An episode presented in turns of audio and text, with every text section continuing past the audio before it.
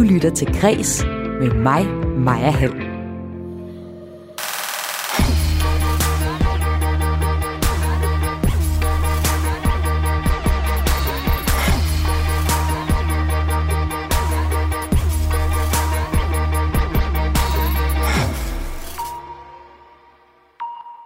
Historien om en aktiekrig er blevet kaldt den vildeste nogensinde og en sæbeopera af dimensioner. Det har blandt andet investeringsøkonomer sagt. Og nu er flere store filmgiganter så i gang med at jagte muligheden for at lave film ud af den her historie. Jeg undersøger, hvad Hollywood vil med en aktiekrig.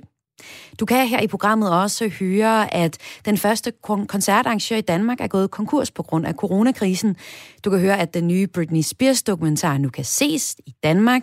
Og så kan du høre om en afrikansk aktivist, som fjerner museumsgenstande for at bringe dem tilbage til Danmark, eller til Afrika. Jeg hedder Maja Hall. Velkommen til Kris.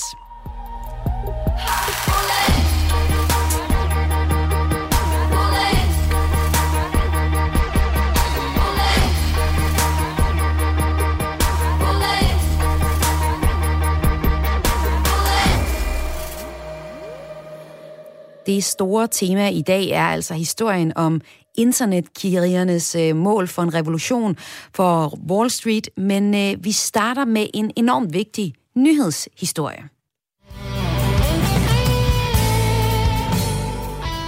For øh, ligesom Allan Olsen her forlader scenen og modtager den sidste klapsalve,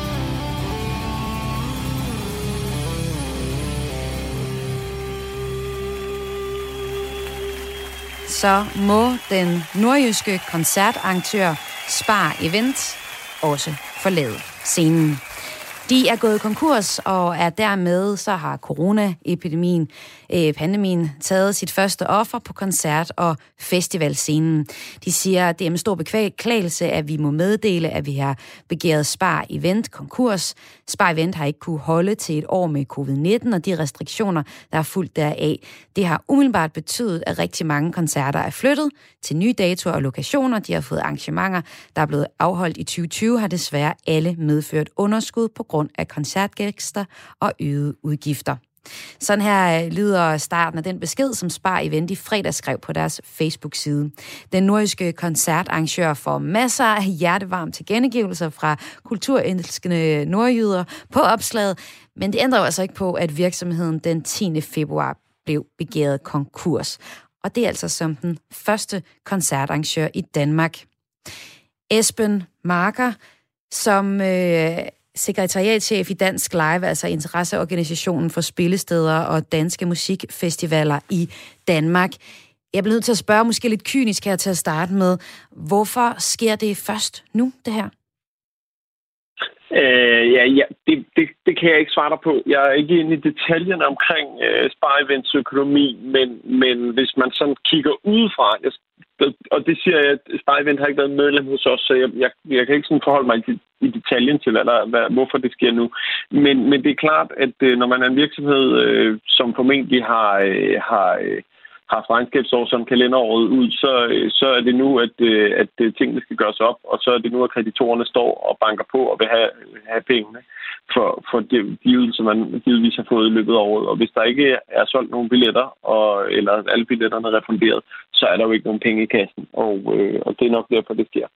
Jamen, jeg tænker jo, at det her egentlig ville være sket tidligere. Det var faktisk det, der overraskede mig ved historien, at det ikke er noget før, at der er en koncertarrangør, der er gået konkurs? Mm, ja, det, man kan sige, nu, jeg tror, det er værd at tage med, at, at Event, igen, jeg er ikke inde i detaljerne, men jeg kan se, at det er et relativt nystiftet firma. Mm. Øh, der er jo mange koncertarrangører, og der er mange øh, koncertarrangører, der har været i gang i mange år, og dermed også har opbygget, øh, opbygget en, en egen kapital og, og tære på i, i krisetider. Og det er jo det, vi er i nu, og har været længe. Og hvis man ikke har haft øh, penge øh, på bankbogen til, til, til en krise, så, så er det jo, at det rammer. Øh, så, og så kan man sige, så har der jo også, er der jo og har været øh, mulighed for hjælpepakker øh, til, til spillesteder og, og til festivaler. Og det, det kan man sige, det er jo det, øh, heldigvis det, der har holdt un, hånden under mange øh, indtil videre. Men, øh, men det, er så, det er jo så, øh, hvis, der er jo ikke fuld dækning for alle omkostninger, man har i en hjælpepakke. Der, der er ikke fuld dækning for lønomkostninger, der er ikke fuld dækning for, løn, eller for, for faste omkostninger. Og det er klart, at det koster penge, selvom man får hjælp. Øh, og, og hvis man ikke har dem i banken, så, øh, så, så, ja, så kan man ikke drive virksomhed. Ja, der er ikke fuld dækning, så Esben Marker, vil du øh, vurdere, at vi kommer til at se flere konkurser som den, vi øh, har, har set her med den nordjyske koncertarrangør? Det håber, håber jeg selvfølgelig ikke. Øh, men tror men du, det, det kommer klart, til at ske? At, jamen, det kommer meget an på, hvor lang tid det her strækker sig, den her øh, nye nedlukning. Fordi det er klart, at... Hvis det nu øh, snakker, strækker sig ind til påske, som vi har hørt Mette Frederiksen sige, der kan være, der kommer til at ske noget der. Kommer vi så til at se flere konkurser? Det, det kan jeg ikke, absolut ikke udelukke. Og det er mm. fuldstændig naturligt i, i, et, i et marked, at, at øh, når der er kriser, at, at øh, folk, at virksomheder lukker og går konkurs. Og det, man kan sige, det, det der jo er tilfældet lige nu, rent gennemsnitligt på landsplan, det er jo, der er færre konkurser nu, end der ellers er, netop fordi der er hjælpepakker. Og jeg, skal, jeg kan ikke, overhovedet ikke udelukke, at der kommer til at være flere på, på arrangørområdet. Jeg, jeg tror, det er få, men der kan sagtens komme nogen. Altså, jeg var selv til min sidste live-koncert øh, med Jada i januar 2020, og det føles virkelig som lang tid siden nu. I rapporten Genopbygning af Europa, der øh, kan man se, at den europæiske livebranche har tabt 90 procent i omsætning, og øh, det er den hårdest ramte branche i den kreative sektor. Øh, Marker, hvor længe vurderer du øh, i Dansk Live, at de danske koncertarrangører faktisk kan holde sig oven vandet, når situationen ser ud, som den gør lige nu? Jamen, så længe at der stadig er en hjælp, så holder vi jo, så længe at der er, er penge i, på bankbogen til at betale de omkostninger, der er udover, øh, som man ikke får dækket af løn og, og faste kompensationer. Det er jo meget forskelligt, alt afhængig af, hvor, hvor, hvor velkonsolideret man er, kan man sige. Men, men det er klart, der er jo også nogle aktører, som, som må, må, må tænke efter, om det, om det er værd at drive en virksomhed i, i en tid, hvor man ikke kan samle mennesker, hvor man ikke kan tjene penge. Øh, så der jo kommer... Jeg, jeg tror ikke, vi har set det sidste af, af lukninger endnu, om det bliver konkurser eller, eller folk, der simpelthen øh, bare lukker virksomheden. Øh, det, det, det, kan, det kan være forskelligt, hvordan man håndterer det. Lad os så lige se på håbet her til sidst. Altså, der bliver jo talt rigtig meget om det her coronapas som øh, et lys for enden af tunnelen, men det er jo stadig uvist, hvordan det kommer til at fungere i praksis. Øh, hvordan og hvornår det bliver muligt at øh, afholde både store og mindre øh, koncerter i år. Men er det her coronapas, det I i Dansk Live klynger jer til i, i øjeblikket som håb?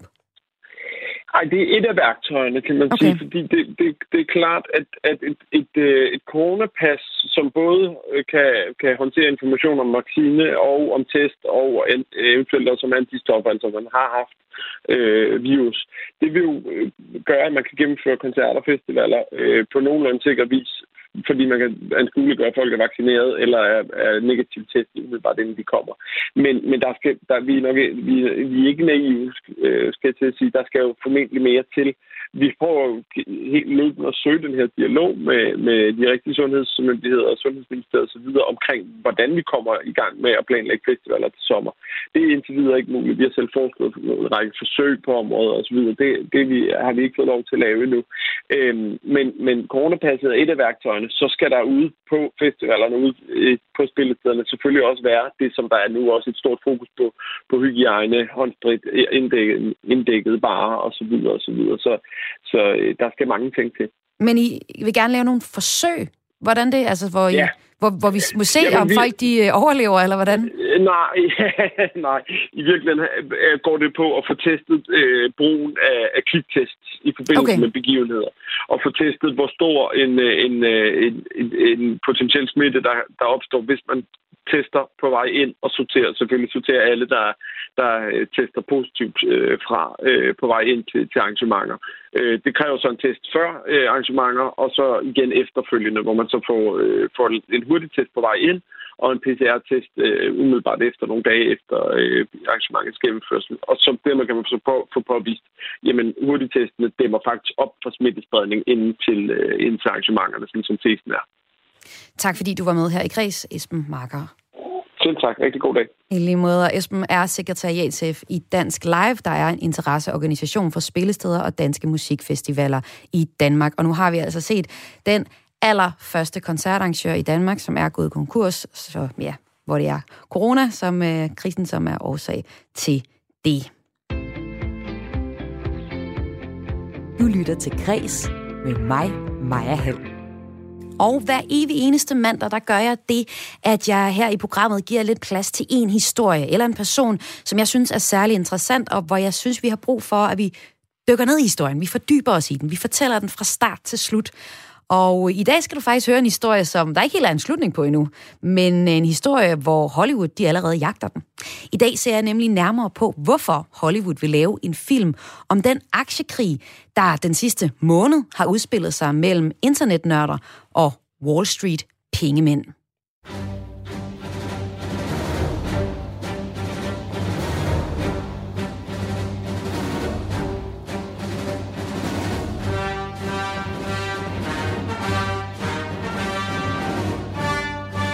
Nogle ville lave en revolution og vælte aktiespekulanterne på Wall Street. Man havde en forventning om, at ved at gøre sådan her, så kunne man få nogle af de store kapitalfonde til at gå konkurs.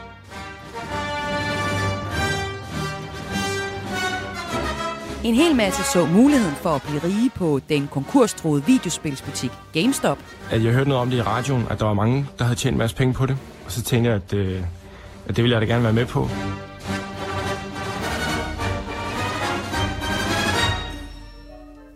Og her en måned efter, at der pludselig startede en aktiekrig mellem internets selvudnævnte Robin Hood-krigere og sherifferne af Wall Street, er den virkelige vinder måske Hollywood. For flere filmproducenter, de jagter historien, som de vil lave til film.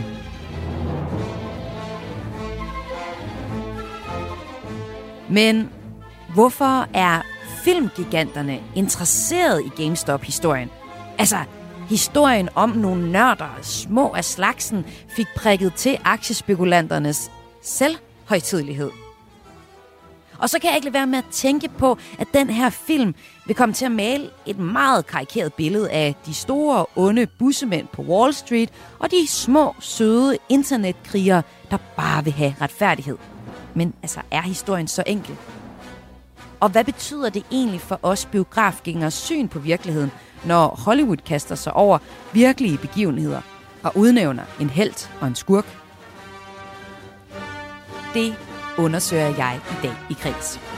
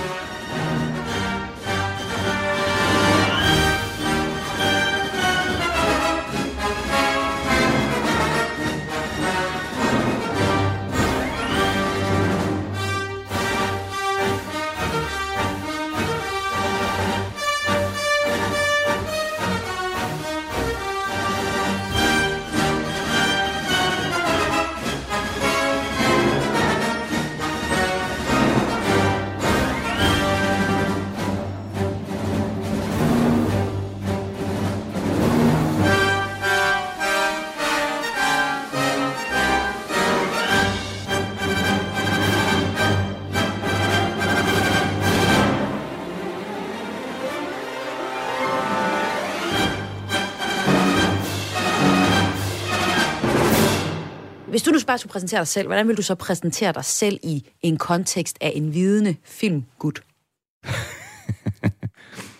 Ej, hvad er det for en lort spørgsmål? okay, hvem er Nej, det? jamen... Det, det, Så bare sig, jamen, jeg tror, chill, hvad bare... Nej, jamen det er, øh, det er sjovt at sige, når man sådan skal præsentere sig selv. Prøv at gøre det nu. Jeg præsenterer mig selv nu. Jeg hvis jeg skal præsentere mig selv nu, så vil jeg jo bare sige, at jeg altid har elsket film. Jeg er vokset op med film, som mange andre er, men jeg har bare dyrket det i en helt absurd... Jeg har bare dyrket det virkelig, virkelig meget. Lad mig lige hjælpe ham lidt. Det her det er min gode kollega William Eising, der er vært på Radio 4's tv-serieprogram Stream and Chill. Og det han prøver at sige er, at han er en kæmpe serie- og filmnørd. Og jeg har brug for William til at forklare dig og mig, hvordan Hollywood har tænkt sig at gribe den her aksekrigshistorie an. Jamen, Hollywood-film er det bedste. Og samtidig også det værste. Hvorfor? Ja, fordi når Hollywood laver noget, så er det, kommer det ind i sådan en korrekthedsverden. Alt det her Jeffrey Epstein og alt, hvad der har været, det er jo den frygtelige side af Hollywood.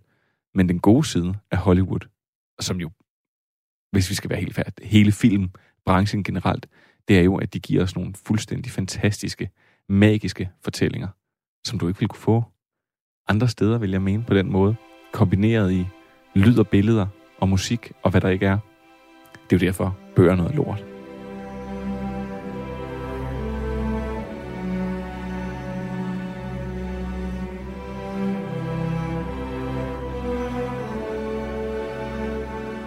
De fleste mennesker er enige i argumentet om, at al kunst og alle film er skabt med udgangspunkt i virkeligheden. Men de film, vi taler om i dag, er skabt ud af virkelige historieforløb, og historier, hvis slutning, der endnu ikke helt er fundet. Og den type historier er interessant at se på, fordi hvad gør de egentlig ved vores forståelse af virkeligheden, altså når store filmproducenter fortolker dem? William Eising, hvad mener du, at de store Hollywood-producenter kan gøre ved øh, historiske begivenheder, når de kaster dem op på det store lærred? Det er jo faktisk et forkert spørgsmål, du stiller der. Fordi det, du skal sige, det er, hvorfor er det folk nogle gange går ind og ser en film, som er baseret, og det er meget vigtigt at understrege her, baseret på virkelige begivenheder. Og så ser de den som om, at det er virkelige begivenheder. Og det er jo det, der nemlig sker op i vores hoved, det er, at vi er blevet så selektive med nyheder og med alt muligt, så vi tror, når vi ser noget, der passer ind i vores virkelighed, eller det bliver præsenteret fedt nok, for eksempel i en film, at så er det virkelighed. Altså det tætteste, vi kommer på virkelighed, det er dokumentar, men de er altså også skabt af mennesker, som bruger fiktionsgreb. Så når Hollywood blæser sådan noget op, det er jo virkelig det, spørgsmålet skulle være, det er, altså hvad sker der? Jamen det er, at vi går ind og ser en film, som vi tror er sandheden. Og jeg kunne, altså der, der er flere eksempler. Men de eksempler venter vi lige lidt med, fordi lad os øh, først lige se på den konkrete aktiekrig, som udspiller sig lige nu, og det er jo altså den her krig, som filmproducenterne jagter til deres hvide lærred. Så hæng lige på. Ja, det er, det er enormt vildt. Altså, det er jo, øhm, der er jo en risiko lige nu for, at de her kapitalfonde kommer til at vælte øh, som, som dominobrikker en af gangen. Sådan lød det i Radio 4 morgen den 29. januar fra investor Mads Christiansen. Og til DRDK sagde investeringsøkonom i Nordnet, Per Hansen, jeg har set finanskriser, oliebobler, Irakkrig, dot-com-bobler og oliepriser, der flyver op og ned. Det her er med længder det vildeste, jeg nogensinde har set. Og de her to, de reagerede på en historie, der inden noget DR og Radio 4 havde fået mange internationale aktieanalytikere til at spære øjnene så højt op, at deres kontaktlinse nærmest sprang ud. Short interest in GameStop. And this GameStop situation is the craziest I think I've ever seen. We have some breaking news uh, right now on what has turned into uh, the soap opera and uh, saga of the markets right now, and that is the story of GameStop.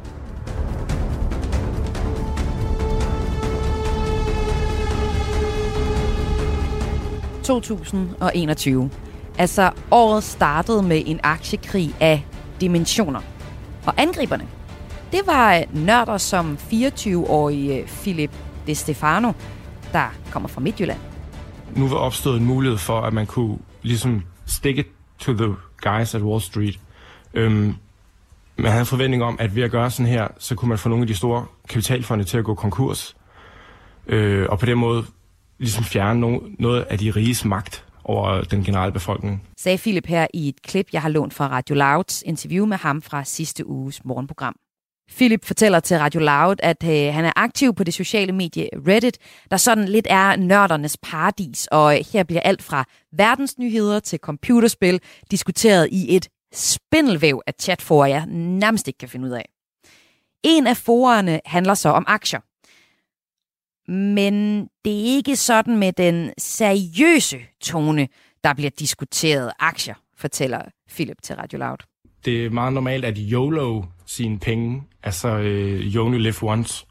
Øhm, det er et rigtig sjovt forum, hvor at, at, at sådan, måden, man taler til hinanden derinde på, altså for eksempel, man, man kalder hinanden øh, for retarderet og, og sådan noget på en, en sjov måde. Øhm, og man kalder hinanden for aber, fordi at, at der var ikke nogen, der er ikke nogen, der er fornuftige.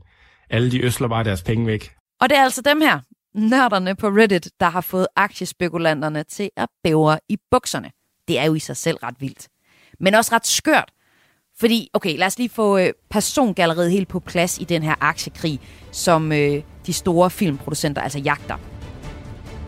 Så vi har angriberne, det er brugerne på Reddit, og når jeg scroller ned på mediet, så ser jeg ærligt talt bare en flok nørder, der elsker at grine af og lave løjer med sådan nogle selvfede typer, for eksempel rige pengefolk fra Wall Street. Og øh, det leder os jo så til deres mål. Det er Wall Street. Og ja, okay, det, det er jo ikke, det er ikke, det er ikke blokken Wall Street. Det er faktisk en, en 8 blok lang gade i Financial District på Lower Manhattan i New York City. Øh, og udtrykket Wall Street, det er jo så blevet synonym for de finansielle markeder alt i alt. Altså, mere konkret er angribernes mål aktiespekulanter i form af hedgefonde, der i modsætning til almindelige investeringsforeninger har mulighed for at anvende det, der i fagsprog hedder shorting. Og shorting, ja, det er vi noget, vi her i mediebranchen øh, jeg har prøvet at forklare rigtig mange gange her på den seneste tid. Og jeg glæder mig til at se, hvordan de har tænkt sig at gøre det i de kommende film om den her historie. På øh, Radio 4 Morgen forklarede Christian Magnus Damsgaard, det er sådan her. Normalt, når man køber en aktie, så tjener man jo penge, hvis aktien stiger i værdi. Men man kan også vælge at shorte en aktie, som betyder, at man satser på, at aktien falder i værdi. Hvis aktien så falder, så tjener man penge. En af de aktier, som flest kapitalfonde de har shortet, det er det, er, det er det amerikanske firma GameStop. Det vil sige, at de rige fonde de satser deres penge på, at GameStop går nedenom og hjem. GameStop, øh, hvor man kan købe spil til sine spilkonsoller, Øh, nogen kender det måske fra butikslivet herhjemme. Tidligere der har der været øh, 34 øh, GameStop-butikker i Danmark.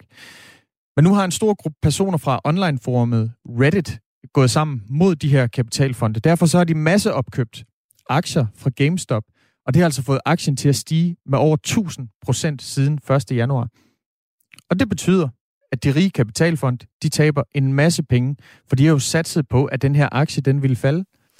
Så altså, Helt kort fortalt, så er der mange på Reddit, der synes, at shorting er noget usympatisk griseri, fordi det betyder, at hedgefondene spekulerer i at tjene penge på konkursramte virksomheder.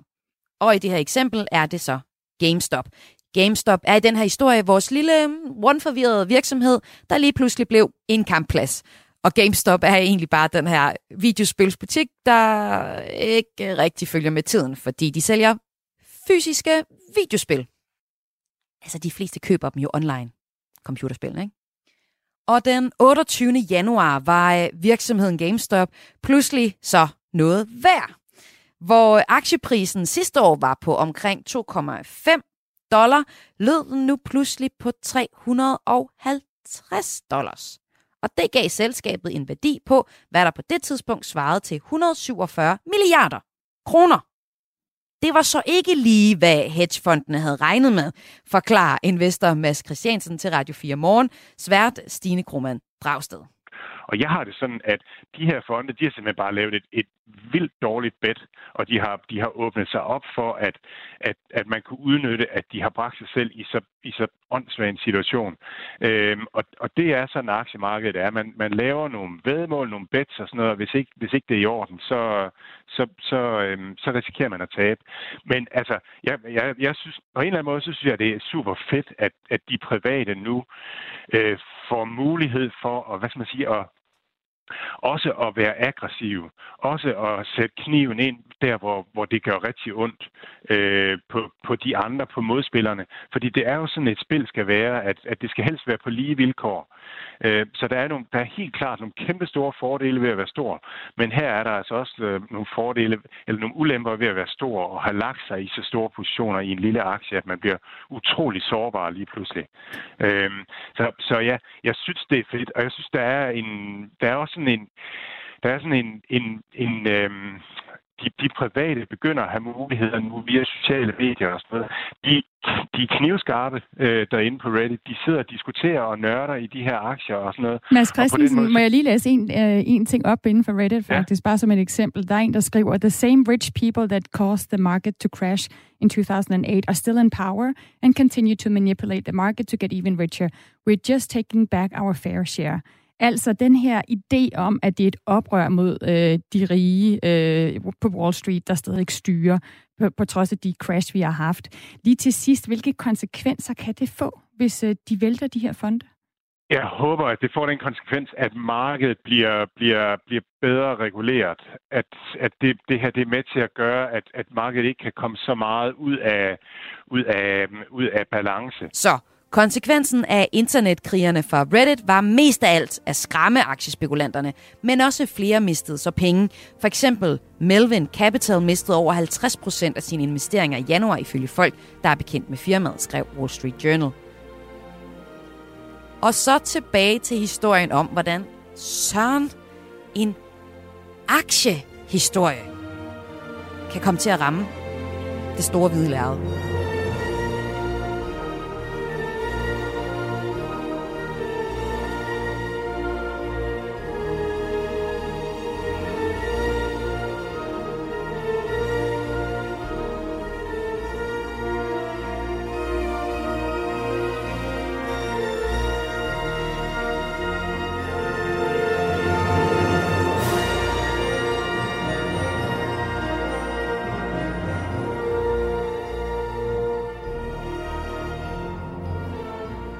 Det irriterende svar at sige, at det er oplagt.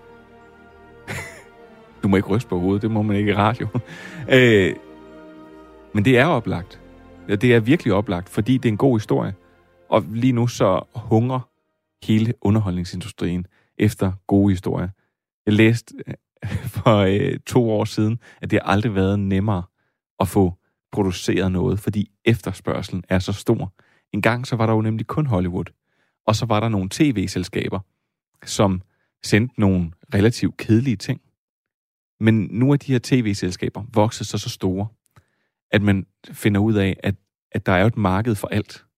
Der er et marked for, at jeg har siddet og set en dokumentarserie om et ost, der ruller ned ad et bjerg.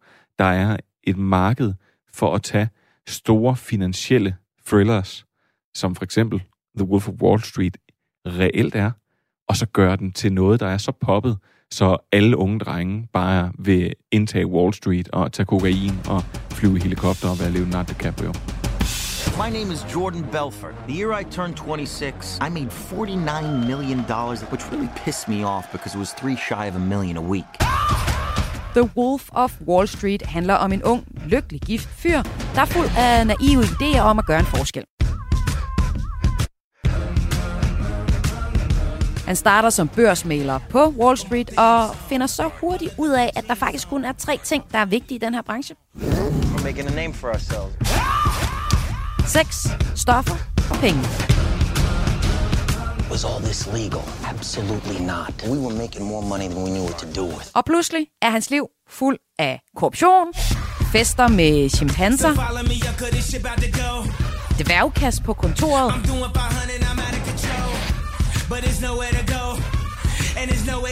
Orker ombord på flyvemaskiner, og så en evig jagt på den næste ros. Men øh, så får FBI selvfølgelig øje på vanvittigt. and I'm zoning. They say I'm possessed. It's an omen. I keep it 300 like the Romans. 300 bitches. We're the Trojans. Baby, we live it in the moment. I've been a menace for the longest, but I ain't finished. I'm devoted, and you know it. The Wolf of Wall Street er et komediedrama fra 2014, baseret på Jordan Belforts memoir af samme navn. Filmen er instrueret af Martin Scorsese, der har givet os en film, hvor ulækker grådighed er taget til ekstremerne i 80'erne og 90'ernes New York. Vi har Leonardo DiCaprio i øh, hovedrollen som sådan hjemmegjort hostler, og så har vi Matthew McConaughey i rollen som coke-påvirket børsmaler Orakel. Og det gør han også godt. Mm-hmm. Come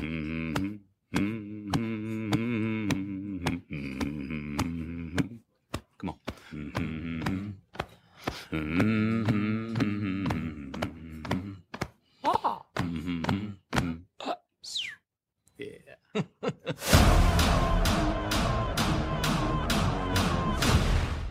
Den her historie er åbenlyst ekstrem.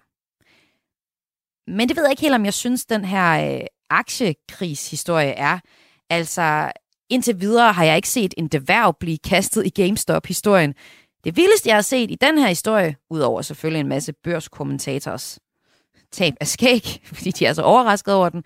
Men altså det vildeste, jeg har set, det er øh, for eksempel øh, en 5 sekunders grim reklame fra øh, internetkrigernes øh, hjemstavn Reddit. Og det, det var sådan en reklame, de havde til det store sportsevent for amerikansk øh, fodbold, Super Bowl, hvor de skrev, at de havde brugt hele deres reklamebudget på den reklame. Og til slut så stod der så, Powerful things happen when people rally around something they really care about. Altså, når vi er sammen, kan vi gøre en forskel. Det lyder meget fint, men der er ikke så meget sex, drugs and rock and roll over det. Så, William Eising, vores filmekspert i dag. Hvorfor er den her aktiekrig mellem nogle nørder fra det sociale medie Reddit og aktiespekulanter fra Wall Street interessant for et stort filmpublikum? Den er vild, fordi det er noget, der ikke er sket før. Der er nogle gange, når man laver en film, og man laver noget for eksempel om 9-11 eller et eller andet, så er det jo fordi, det er et så stort vendepunkt i historien. Jeg synes, det er lidt ærgerligt, at man allerede går ud og laver den nu, fordi man ved ikke, om det her det er det vildeste, der kommer til at ske på den måde. Men jeg synes for eksempel, at da man lavede, da Adam McKay han lavede The Big Short, den øh, blev lavet på baggrund af finanskrisen. Og den blev lavet blandt andet for at formidle til folk, hvad var det, der skete? Fordi at de her ting begyndte faktisk at gentage sig. Nogle af de her ting her, den her boligboble, der eksploderede og lod hele finansbranchen øh, egentlig altså ryste, blev rystet, og den faldt sammen, det begyndte at gentage sig igen. Vi tager et eksempel mere.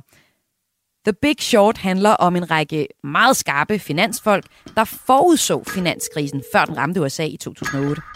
Michael, how are you? I found something really interesting. The whole housing market is propped up on these bad loans. They will fail. The housing market is rock solid.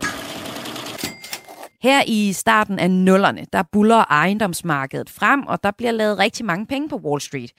Men der er noget rådent ved situationen. Det lugter så aktiegeniet Michael Burry, som genkender de faresignaler, som man så forud for 1920'ernes massiv børskrak. Og først synes alle selvfølgelig, at han er en klovn. So Mike Burry, who gets his hair cut at Supercuts and doesn't wear shoes, knows more than Alan Greenspan. Dr. Mike Burry, yes he does. Men, gæt en gang, det er i Hollywood, han ender med at være en, der har fat i den lange ende og set katastrofen ramme, før den kom. American people are getting screwed by the big banks. The Big Short er, ligesom The Wolf of Wall Street, en amerikansk biografisk komediedrama fra 2015 er den her så, og den er instrueret af Adam McKay, som mest er kendt for komedierne Anchorman og Step Brothers i øvrigt. Men altså den her film, der er der lidt mere drama end komedie. Og med filmen havde Adam McKay der også det formål at formidle historien om boligboblen, så den kunne ryge ned sammen med vores popcorn og sodavand i de røde sæder.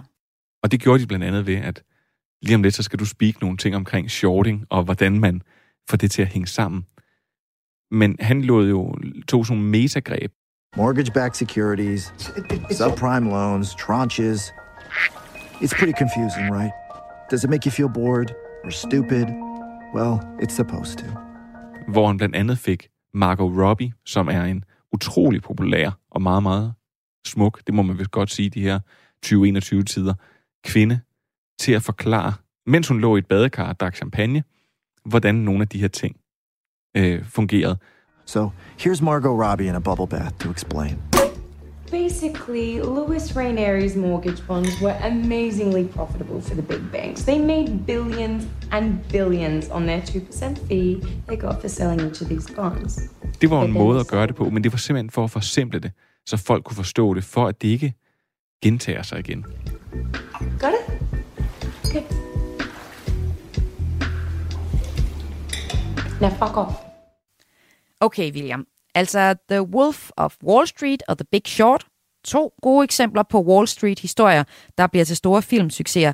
Men hvorfor er den her GameStop-historie muligvis en ny en af sin slags? Med den her historie her, der er det jo, der er der jo et skurkebillede. Altså som Wall Street egentlig er. Der er noget shorting, som er direkte modbydeligt, som, hvor man spiller på andres ulykke.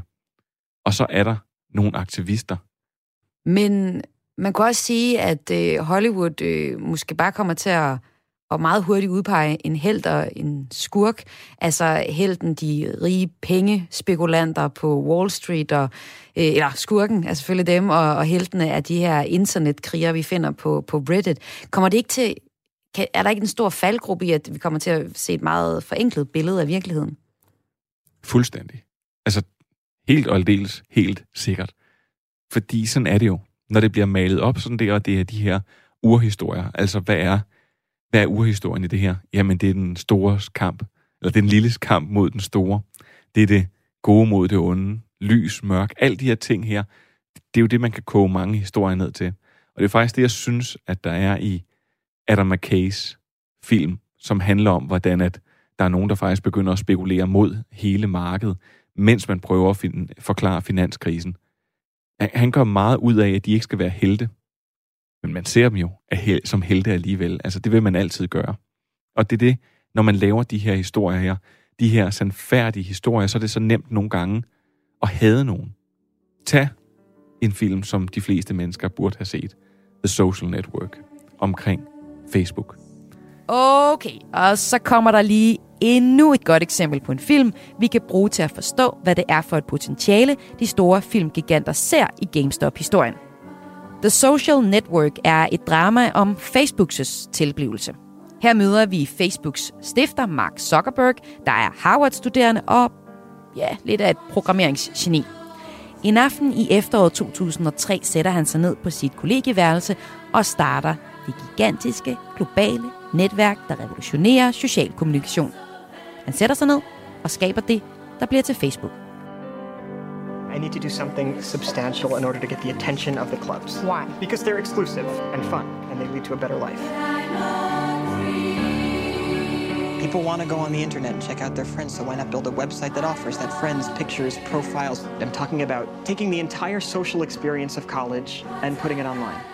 Og kun 6 år og 500 millioner venner senere er Mark Zuckerberg den yngste milliardær nogensinde. Filmen er baseret på virkeligheden og instrueret af David Fincher, og har Jesse Eisenberg i hovedrollen som Zuckerberg. Men Jesse Eisenberg spiller ikke en sød version af Facebook-stifteren. Men man vælger faktisk, at ham vi skal følge, at han skal være lidt usympatisk. Vi skal ikke rigtig holde med ham, og der skal være, altså der bliver nødt til at være nogle klare definerede roller. Men nu bliver det kommer det til at lyde ligesom SP eller K. Altså spørgsmål, procent og konsekvens. En leg, man legede, da man ikke var særlig gammel. Og hvor man så kunne vælge at sætte procent. Hvor mange procent kan jeg lide dig, Maja? Fordi når man går ned og kigger på The Social Network og siger, hvor mange procent er den sand? Jamen så er der nogle overordnede detaljer, som de har nørdet helt vildt igennem med. Hvordan så Facebooks kontor ud? Hvordan så deres logo ud? Hvordan arbejdede de med nogle af tingene? De er ret sandfærdige. Det er også ret sandfærdigt i starten af filmen, når Mark Zuckerberg han sidder og skriver på en blog, imens at han sidder og laver en eller anden hjemmeside, hvor man kan sætte piger op mod hinanden, som blandt andet blev, var en af grundene til, at øh, han fik lidt anstrengt forhold til Harvard. Det har man, det har man gjort meget ud af at skulle være sandt. Men så er der nogle andre ting. Altså hele forholdet, hele dynamikken mellem ham og hans businesspartnere, hele det her retssagsgrundlag, som er en del af filmen, jamen der er meget af det, der er drømt op. Og også den måde, man udstiller Mark Zuckerberg på, den har han jo selv sagt, at han faktisk har været decideret ked af, fordi de mennesker, der er omkring ham, og også ham selv, faktisk ikke opfatter ham som være sådan. Og den bog, som den film bygger på, det er jo blandt andet en, der er blevet, den er, der de konsulteret ham, der hedder Eduardo Saverin, som var en af dem, der var med til at starte Facebook, og som var en af dem, der var med til at sagsøge Mark Zuckerberg. Det Eduardo Saverin, han glemmer lige at sige, det er, at han faktisk øh, negligerede sit job virkelig meget, og han vidste nærmest ikke rigtig troede på Facebook, og at han i sidste ende, altså så blev han fyret, fordi at han gjorde ting, der var direkte skadeligt mod Facebook, og begyndte at sætte reklamer op på siden og sådan noget, som var mod, hvad Facebook var på det tidspunkt. Og sådan nogle ting kommer ikke med i filmen, men så har de en øh, en-til-en kopi af, hvordan deres kontor så ud i Kalifornien. Ja, og det er måske ikke særlig vigtigt i forhold til sandheden. Og, og det er jo det. Når du går i en biograf, eller når du tænder for en dokumentar eller noget, så vil jo altid våge påstå, at dokumentaren er lidt tættere på sandheden, end filmen er. Og nogle film er meget, meget tæt på sandheden. The Big Short, som jeg snakkede om, der er vi altså op i noget, hvor at, øh, jeg læste en, der har givet den en historiekarakter. Og det var næsten tæt på topkarakter, fordi den følger tingene så slavisk. Øhm, The Wolf of Wall Street er faktisk meget tro mod den bog, som Jordan Belfort, som filmen handler om, har skrevet om sig selv. Men den bog handler også om at sælge ham selv, og hvor fantastisk han var. Så udover at der er selvfølgelig nogle personer og nogle ting med i filmen, som er lavet om, jamen så allerede i det, han har, i den bog, han har lavet selv, jamen der er nogle ting, hvor de siger, at det, det er ikke sandt. Selvom at der er nogle af de mest sindssyge ting, som at han crashlandede en øh, helikopter ude i sin egen forhave, mens han var fuldstændig skudt af på kokain. At det er så sandt nok. Men hvad har det betydning for os, når vi går ind og ser en... Ved vi noget om det? Altså, når vi går ind og ser en film, hvor der er malet så kraftigt en held og en skurk op på, på nogle øh, mennesker, vi egentlig kan møde ud i virkeligheden? Sidste ende er vi jo ret dumme. Altså, når vi, når vi går ind og ser en film, og hvis den er overbevisende nok, og den er god nok, så tror vi, så tror vi virkelig på det. Altså, The Queen's Gambit, som alle har set under coronanedlukningen, som handler om en pige, der spiller øh, skak. En af de relaterede søgninger, der var til den, det var, Is The Queen's Gambit based on a true story? Og nej, det er den ikke. Men det er fordi, når vi ser sådan noget, når vi ser noget, der enten er så smukt, eller noget, der er rigtig, rigtig godt, så vil vi rigtig gerne tro på det. Så når man går ind og ser en film, for eksempel om øh, Dick Cheney, som Adam McKay lavede nogle år senere, jamen så, så når den er god, så vil vi gerne tro på, at det, der bliver vist i filmen, det er sandt. Men til forskel for The Big Short, jamen så gik Adam McKay og tog sig en række friheder og skruede op for nogle ting, fordi det gavnede historien. Og det er jo bare det, man skal vide nogle gange, at når man går ind og ser sådan noget her, så piller de ved nogle ting, fordi det gavner historien, og det er bedre for historien, og det giver måske et klare billede af, hvem er den who's the bad guy, og hvem er, øh, hvem er den, øh, the good guy. Og i det her tilfælde med GameStop, øh, eller GameStop-aktien, øh, ja, nu kommer jeg til at kalde dem Game, GameStop, fordi det er det, den er gået under, jamen, så kan det godt være, der sidder nogle store hedgefonde, som investerer nogle penge, og de er gået ned og hjem, og man bare sådan, yes, fedt. Men skal vi ikke også lige huske på, at de her hedgefonde, udover at det sikkert er nogle rigtige røvhuller, jamen så varetager de faktisk også nogle økonomiske interesser. Måske ikke lige i det her tilfælde, men det kunne lige så godt have været nogen, der sidder og investeret øh, pensioner. Det kunne lige så godt have været nogen, der har, havde gjort sådan nogle ting, fordi det er jo så store beløber, vi snakker om. Og det synes jeg egentlig er ret interessant, det du siger her, fordi har vi overhovedet nogensinde set i filmens historie, at øh, typer som øh, dem, der er en del af de her hedgefonde, de er, bliver portrætteret positivt? Ja, på en eller anden måde. Altså, er det ikke tager... altid de onde fra Wall Street? De er ikke altid usympatiske. Og de gode, det er den lille mand. I det her eksempel, så er den lille mand bag computeren. Nej, altså jeg synes, at, øh, at hvis du tager for eksempel en, en klassiker, Oliver Stones Wall Street, hvor vi følger rejsen for, øh, øh, nu kan jeg ikke engang huske, hvad den karakteren hedder, men det er jo Charlie Sheen, der spiller den her rejse fra at være en lille børsmaler til at blive større og større og større. Der er han jo en held. Og han ender jo også med at gøre det rigtige, selvom han på vejen har gjort det forkerte rigtig, rigtig mange gange. Det samme med Jordan Belfort i Wolf of Wall Street, som lever et fuldstændig vanvittigt liv, men man sidder jo på en eller anden måde og er lidt misundelig, fordi det er så vildt. Det er så vanvittigt. Så der er, de, der er det jo en held. Det jo kommer an på, hvad det er for en type af film. Det er jo også, altså i The Big Short, er det jo også dem, der er heltene, som selvom de siger, de ikke er heltene, det er jo også folk, der er indviklet i Wall Street. Det er folk, der er viklet ind i at, at, at, at spille mod markedet. Og det sjove er, og det skulle så være sandt nok, for eksempel i den film, at de laver forsikringer mod den her boligboble. Altså så alle siger, at boligmarkedet er så stærkt, men de siger jo, at vi vil gerne forsikre os mod, at det kapitulerer. Og det er rent faktisk det, de tjener deres penge på. Og da, det, da bankerne og øh, hele det finansielle system endelig overgiver sig, og de egentlig får deres penge ud af det her, så er de jo rigtig glade. Men der er en af dem, der ligesom minder dem om at sige, husk også lige, at altså lige nu, så får vi en masse penge på, at alle mennesker, de, øh, altså, at det hele det kapitulerer. Og det er ikke bankerne, der kommer til at betale. Det er dig og mig, Maja. Det er dem, der sidder og lytter med. Sådan er det jo altid i de her ting. Det er mennesker, der kommer til at betale, og i sidste ende så er der sådan nogle store finansielle institutioner, som man ikke rigtig tør at leve uden, så dem redder man. Og det er jo nogle af de pointer, der nogle gange er. Så lige meget hvad, så er øh, Wall Street jo et nødvendigt onde, men man bliver bare nødt til, det er jo bare nemt at have. Så det er da klart, det kommer det også til at være i filmen. Nu så jeg både, at, at dem, der er i den længste, der er længst henne, det er MGM, som kommer til at lave en, der øh, fokuserer på en bog, der skal skrives om den her. Altså, vi er endda, altså det, er så, det er så desperat, man er for idéer. Bogen er ikke engang skrevet endnu. MGM har allerede købt rettighederne til den her bog, der ikke er skrevet endnu, og skal så lave en film ud fra det. Og hos Netflix, der er det ham, der har skrevet øh, Zero Dark Thirty, blandt andet, som skal sidde og være med til at lave det her. Og ja, som har været med til at lave The Social Network. Er også det er rigtigt, ja.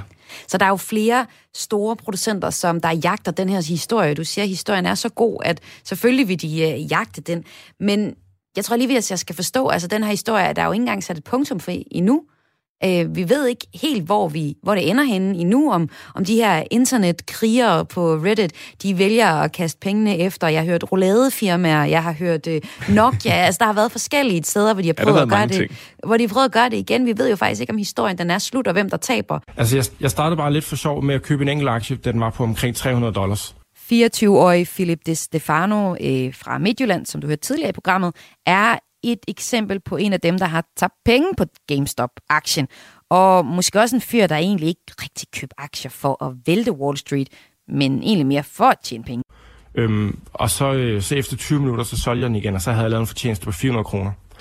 og så tænkte jeg, at, øh, at, at det skulle jeg da gøre lidt mere af. Så købte jeg nogle stykker mere. Øhm, og så begyndte de efterhånden at falde. Og så fulgte jeg med ind på subredditen, øh, hvor de bare blev ved med at skrive, at man skulle bare blive ved med at købe, selvom den faldt. og så købte jeg et par stykker mere. Øh, og nu er den jo så faldet en hel del siden da, så det var måske ikke det smarteste at gøre. Øhm, I alt har, altså på GameStop-aktien, så har jeg mistet omkring 4.000 kroner. Sagde han her til Radio Louds morgenprogram i sidste uge. Så vi ved jo ikke, hvordan den ender. Hvordan kan det være, at producenterne allerede nu vil sikre sig rettighederne til den her historie? Jamen det er, jeg tror i gamle dage, nu siger jeg, jeg tror, i gamle dage, så var det sådan, at når man købte rettigheder, så nogle gange, så købte man et manus, fordi det var godt, men det var ikke sikkert, at man ville lave det. Og så smed man det ned i skuffen. Og så kunne det godt ligge der i rigtig, rigtig mange år. Og der har været nogle gange nogle af de her film her, hvor man siger, endelig bliver det lavet, fordi det har ligget i skuffen i Hollywood i altså 10 og 15 og 20 år. Det er helt sindssygt nogle gange. Men i det her tilfælde her, så tror jeg, at det her det er en så stor historie. Det er noget, som har været en verdensomspændende ting. Så, hvis, så det helt reelle og kyniske svar, hvor du måske sidder og håber på, at det her det er en eller anden romantik om at fortælle gode historier. Hvor nemt er det ikke at markedsføre en historie, som vi allerede sammen har hørt om før. Hvis der kom en historie, og det kommer der også, om Jeffrey Epstein, hvor nemt er den ikke at markedsføre. De her ting her, når vi, når vi kender historierne, men de så bliver filmatiseret. Det er bare nemt at markedsføre. Længere er det ikke.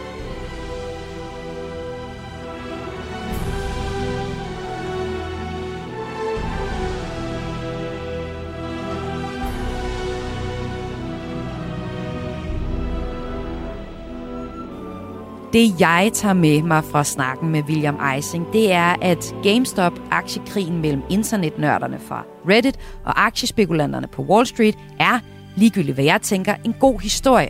Fordi det er en stor historie. Og den kommer med stor sandsynlighed til at gøre os klogere på, hvad for eksempel shorting er. Måske så ikke med en nøgen Margaret Robbie med champagne i badekar som i The Big Short. For ja, MeToo skete siden 2015, og det har rykket lidt ved vores måde at bruge kvinder på i film. Eller det burde det i hvert fald. Og så kommer øh, filmen her om GameStop. Krigen. Uden tvivl, og som det altid er med Hollywood, til at vise os den gode historie, og ikke nødvendigvis sandheden. Men måske den gode historie gør os lidt klogere på, hvordan virkeligheden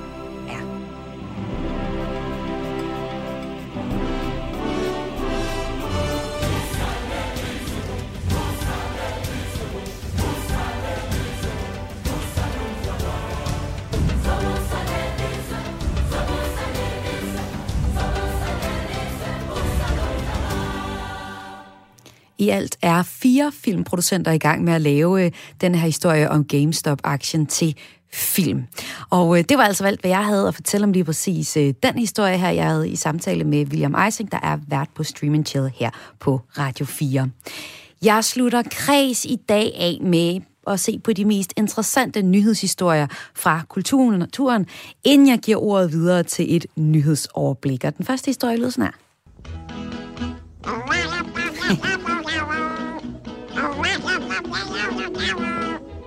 Ah!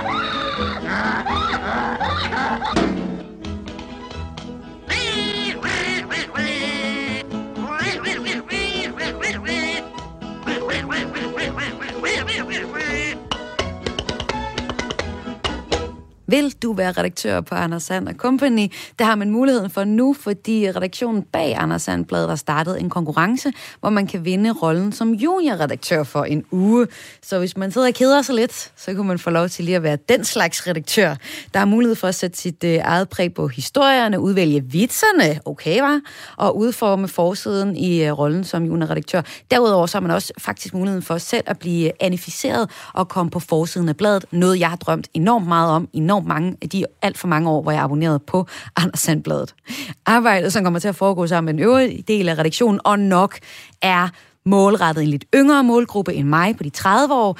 Det er, er så noget, du kommer til at lave øh, op til udgivelsen i uge 33. Og for at vinde titlen som midlertidig junior-redaktør, skal man være junior, gætter jeg på. Og så skal man så sende en idé til øh, en historie og sende den ind til redaktionen, og øh, den bedste historie vinder altså titlen. Og man må selv vælge, om man vil tegne eller skrive sin historie. Den skal bare være indsendt inden den 8. marts, hvor konkurrencen slutter. Så her er der en lille vinterferie idé til, øh, til jer, I kan lave med jeres børn for eksempel.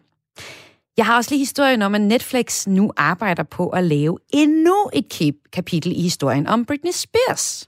Baby, can't you see I'm